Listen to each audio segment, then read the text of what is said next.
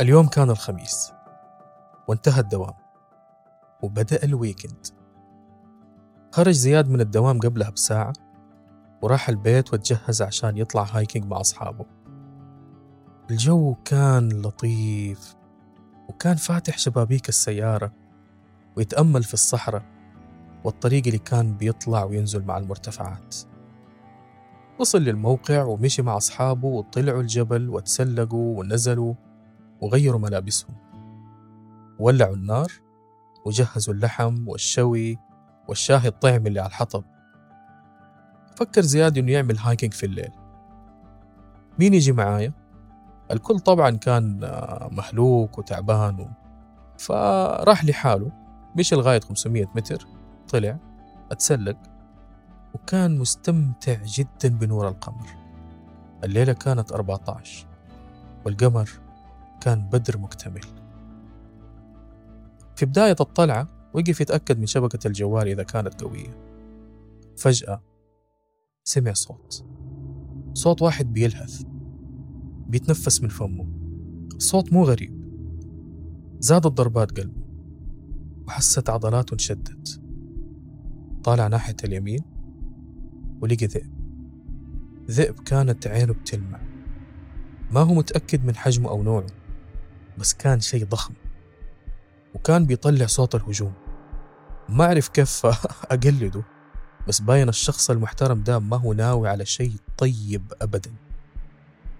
انتاب الهلع زياد وحس بأنه مشلول وبيحتاج أكسجين زيادة عشان يتنفس. صار منتبه ومركز جدا لكل شيء حوله. حتى ضربات قلبه. صار سامع صوتها وحاسس بيها تهز كل حتة في جسمه. حاول يستجمع قوته. كان في يده عصاية يستخدمها في الطلوع وحاول يوجهها على رأس الذئب. طبعا الذئب زاد جنونه. كل أفكار الهروب والبقاء تزاحمت في عقل زياد. لو حيهرب يمكن يتعثر بالصخور ويكون وليمة دسمة وسهلة للذئب.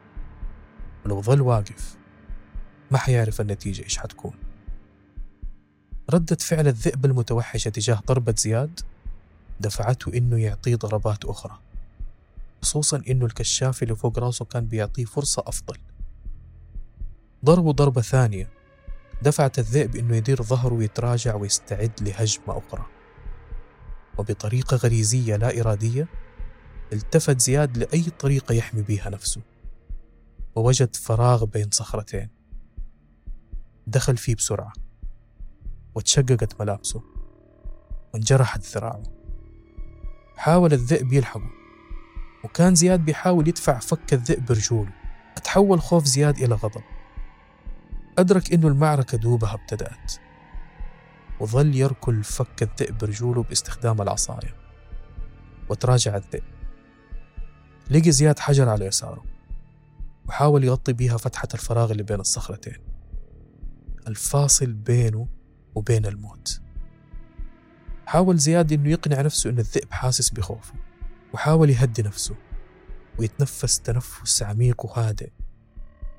صار يشعر بشعور رعب وحزن في نفس الوقت. على أمه اللي حتبكي عليه وعلى ولده وبنته اللي حيصيروا أيتام وعلى زوجته اللي حتضيع من بعده وعلى وظيفته اللي حياخدها غيره. هدأ الذئب وراح. وسمع صوت أصحابه يجروا وراه ويرموا عليه أشياء. طلع من المخبأ وحاول يستجمع قوته وينزل مع أصحابه. زياد الآن ما هو مصدق إنه الآن جالس جنب النار وبيشرب هات شوكليت عشان يدفي جسمه بعد ما تجمد الدم في عروقه. على الرغم من إنه معظمنا ما هو مضطر إنه يخوض معركة مع ذئب مفترس بين الصخور في الليل إلا أن عقولنا ومشاعرنا تخوض معارك مماثلة لمعركة زياد كل يوم. هذا أنا محمد وبودكاست ورقة بيضة.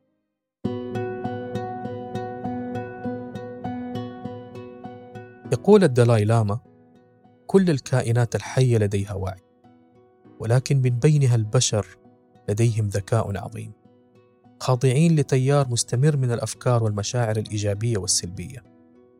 ما يميزنا كبشر هو أننا قادرون على التغيير الإيجابي. في قصة زياد. كان واضح جدا سيل المشاعر والأفكار اللي عصفت به خلال اللحظات العصيبة أو ما يسمى بال emotional hijacking أو الاختطاف العاطفي. سيل من المشاعر ما بين الخوف، الهلع، الغضب، البقاء على قيد الحياة، الهدوء اللحظي، مشاعر كانت كفيلة إنها تخليه مشلول، منقبض العضلات، ضربات قلب متسارعة، صعوبة تنفس، هرمونات طالعة نازل أدرينالين على كورتيزول، وبعد لحظة هدوء بسيطة ابتدى يفكر ويجرب حلول للتعامل مع الموقف العصيب. نحن كبشر يوميا نتعرض لأحداث ومواقف تجعلنا نفقد السيطرة ولا نفكر بشكل صائب وبالتالي لا نتصرف التصرف المناسب زحمة مرور طابور طويل عشان تشتري أكل أو القهوة تنكب على ملابسك شخص يعاتبك ويلومك مديرك في العمل يكون حاد معاك موقف بسيط أو كبير يحصل معاك يخليك مشلول أو خلينا نقول متنح للحظة.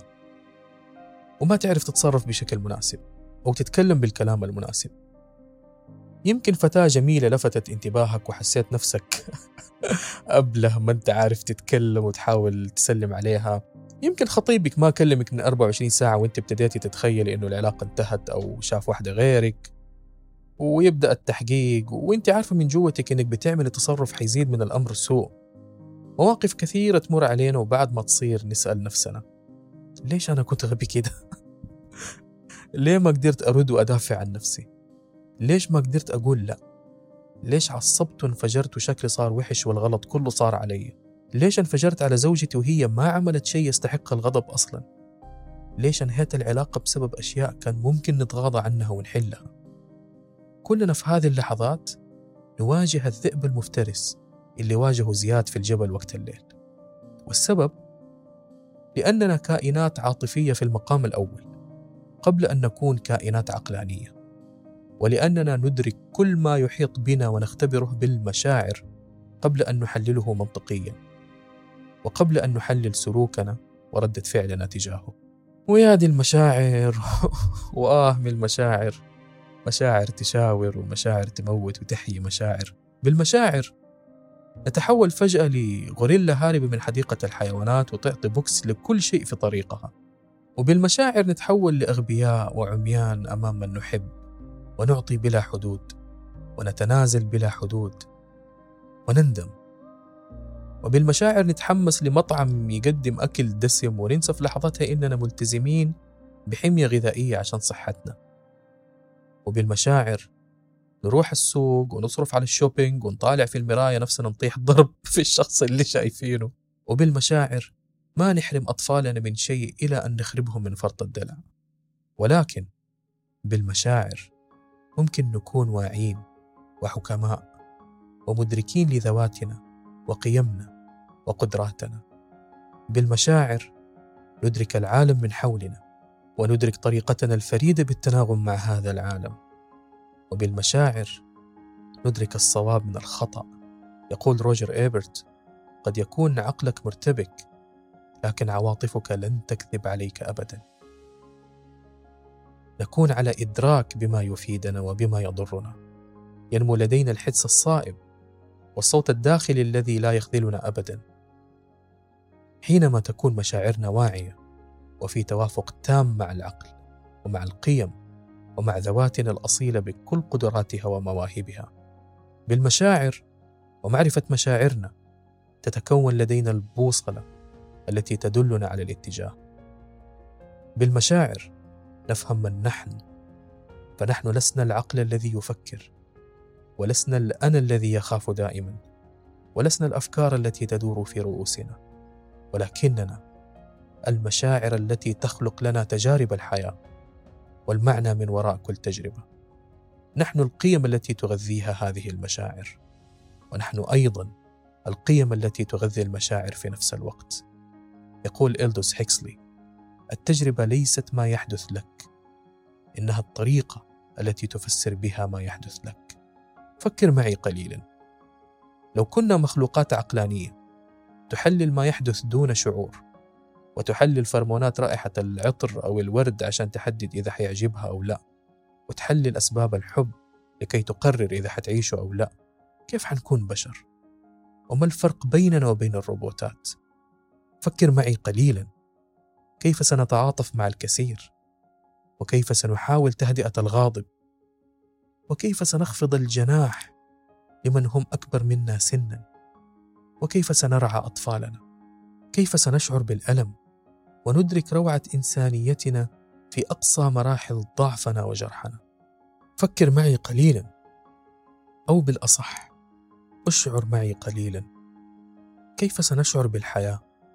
إذا لم تكن لدينا تجربة واسعة ومتناقضة من المشاعر. وجدت المشاعر في البشر لكي يدركوا التجربة ثم يخضعوها لمنظومة قيمهم ومعتقداتهم لكي تكون التجربة عملية ارتقاء وتطور وتعلم. المشاعر أداة عظيمة جدا في الأدوات البشرية لإدراك الذات والعالم أداة مهمة جنبا إلى جنب مع العقل ولأنها أداة فيمكن التعامل معها وإدارتها لكي تكون أداة نافعة وفعالة. نحن كائنات عاطفية. المشاعر بتشتغل وما توقف حتى في أحلامنا في كل أحداث يومنا إما أن نشعر بشعور جيد أو شعور سيء. لا توجد لحظة في يومنا خالية من المشاعر. هناك لحظات خالية من التفكير مثل لحظات اليوغا والتأمل أو الحضور الكامل في البهجة أو اللحظة. ولكن لا توجد لحظة بدون شعور. أثناء تنقلك خلال روتينك اليومي سواء كنت تعمل أو تقضي الوقت مع العائلة والأصدقاء أو يمكن حتى ب... بتاكل أو بتمارس الرياضة أو تسترخي أو حتى تنام. فأنت عرضة لتيار مستمر من المشاعر. من السهل جدا إننا ننسى إنه لدينا ردود أفعال عاطفية تجاه كل ما يحدث في حياتنا تقريبا سواء لاحظناها أم لا.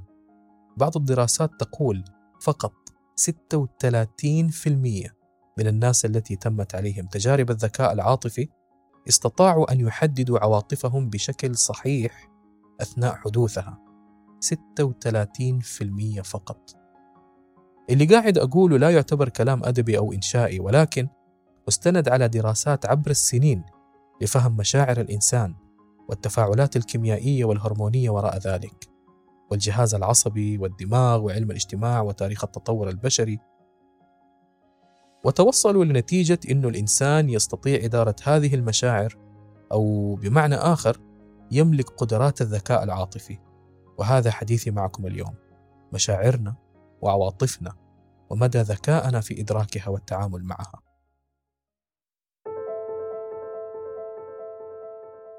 الذكاء العاطفي مصطلح ظهر في الوسط العلمي في الستينات الميلادية بناء على دراسات نفسية وسلوكية. كان من أبرزها دراسات عالم النفس الدكتور روبرت بلوتشيك وصار منهج تطويري للقادة والأفراد وفرق العمل بعد انتشاره حول العالم وتبنيه من قبل كتاب أكاديميين مثل دانيال جولمان، تريفيس برادبري وبيتر سالوفي وغيرهم. والمقصود بالذكاء العاطفي هو قدرة الأفراد على التعرف على مشاعرهم ومشاعر الآخرين والتمييز بين المشاعر المختلفة ووصفها بشكل مناسب. واستخدام هذه المعلومات العاطفية لتوجيه التفكير والسلوك وضبط العواطف. في الواقع ال ال ال الكثير من التعريفات للذكاء العاطفي موجودة ومنتشرة في مراجع هذا العلم. يعني آه، مثلا ديفيد كارسو يقول الذكاء العاطفي ليس عكس الذكاء. إنه ليس انتصار القلب على العقل بل هو التقاطع الفريد لكليهما. وفي تعريف بسيط جدا للذكاء العاطفي ما أفتكر فين قريته صراحة بس يقول لك آه، هو قدرتك على التعرف على المشاعر وفهمها في نفسك والآخرين وقدرتك على استخدام هذا الوعي لإدارة سلوكك وعلاقاتك. طبعا ليش بتكلم عنه في رحلة معرفة الذات؟ لأن الوعي بالمشاعر أو بالجسد المشاعري كما يفضل البعض على تسميته هو جزء من منظومة الوعي بالذات ومعرفة النفس. وعينا بمشاعرنا. وتقبلها والعمل على إدارتها ودوافعها يزيد من حالة الوعي والنضج ويكشف ذواتنا الحقيقية ومدى قدراتنا ويساهم في فعاليتنا ويخدم قيمنا بشكل كبير. ذكاؤنا العاطفي يخدم أهدافنا والتزامنا وانضباطنا في رحلتنا تجاه ما نريد ويجعلنا أكثر ادراكا لأنفسنا ولمن حولنا وبالتالي يمكن فتح ورقة بيضة جديدة لحياة كما نحب وكما ينبغي المشاعر جزء من ذواتنا وعدم معرفتنا لها يبعدنا عن ذواتنا وعن إدراك المحيط خارجنا وكيفية تعاملنا معه. أغلب الناس لا يفضل التواصل مع مشاعره لأنها تكشف الكثير من الخبايا والمخاوف ونقاط الضعف بداخلنا وتجارب ومعارك خضناها في الماضي ولا نريد العودة لها مرة أخرى. وربما نحن نعلم يقينا أننا لو واجهنا هذه المشاعر سنتشافى. هذه التجارب جعلتنا نرسم صورة مثالية عن الذات صورة نحلم أن نكونها يوما. هذه الصورة مستحيلة وصعبة الوصول وحتى لما نوصل نعمل تحديث للصورة ونجعلها أصعب. وفي الواقع قبل أن يكون الدافع هو عدم الرضا بالواقع وعدم الرضا بذواتنا وفي العمق هروب وعدم استحقاق. نبحث عن شيء داخلنا ويشبهنا ولكن ليس لدينا القدرة على التحدث معه وهو ما يجعلنا نشعر بالقلق من مواجهة ذواتنا واكتشاف صورة ذاتنا الحقيقية التي تحاول أن تفصح عن نفسها بالمشاعر التي تعترينا كرسالة حب وإنسانية ورحمة. تدعونا لمعالجة هذه المشاعر لكي نتصالح مع ذواتنا الحقيقية من جديد. مشاعرنا هي صوتنا الذي نحتاج أن نسمعه الآن. الصوت الذي يخبرنا بما نرغب وبما لا نرغب بما يجعلنا سعداء وبما يجعلنا تعساء. الاستماع الجيد لصوت المشاعر يخبرنا أيضا وبشكل فعال إذا كانت مشاعر هذه اللحظة وهذا الظرف مشاعر حقيقية تنتمي لنا أو تنتمي للأنا. بمعنى إذا كانت مشاعر ينبغي التعامل معها أو مشاعر تولدت من معتقدات وأفكار خاطئة صدقناها وبالغنا في تصديقها.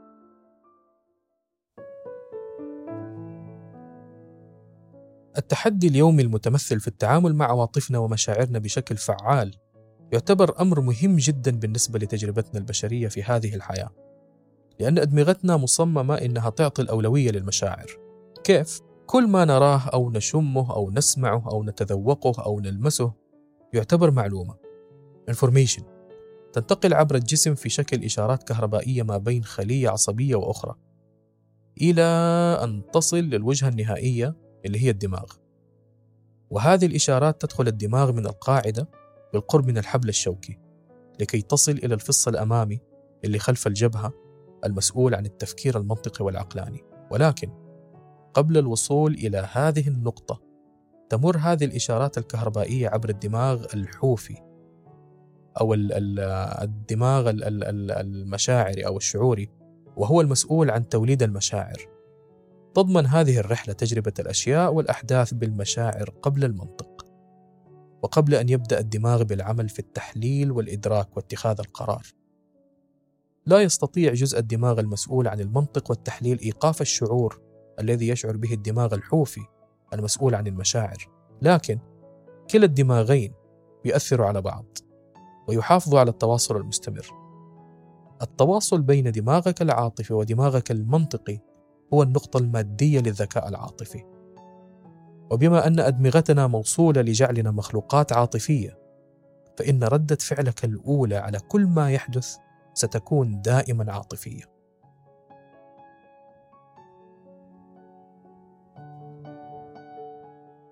معرفة مشاعرنا مهم جدا لمعرفة ذواتنا. وإدراك مسمياتها وتصنيفاتها صار علم ومعرفة متوفرة ولم تكن أكثر نضجا زي في وقتنا الآن. كل المشاعر متفرعة من خمسة مشاعر أساسية السعادة الحزن الغضب الخوف والعار. بالرغم من أنه روبرت بلاتشيك حدد أنه المشاعر الأساسية ثمانية الفرح الثقة الخوف المفاجأة. الحزن الترقب الغضب والإشمئزاز. أربعة إيجابية وأربعة سلبية عكس الأربعة الإيجابية. بغض النظر عن اختلاف التقسيم بقية المشاعر بتكون مشتقة ومتفرعة من المشاعر الأساسية. وتختلف على حسب الحدية أو الكثافة. على سبيل المثال شعور الفرح شعور أساسي. حينما يكون عالي جدا يصبح مجموعة من المشاعر منها الحماس النشوة الشغف ولما يكون متوسط ينشأ منه شعور التشبع الامتنان الارتياح.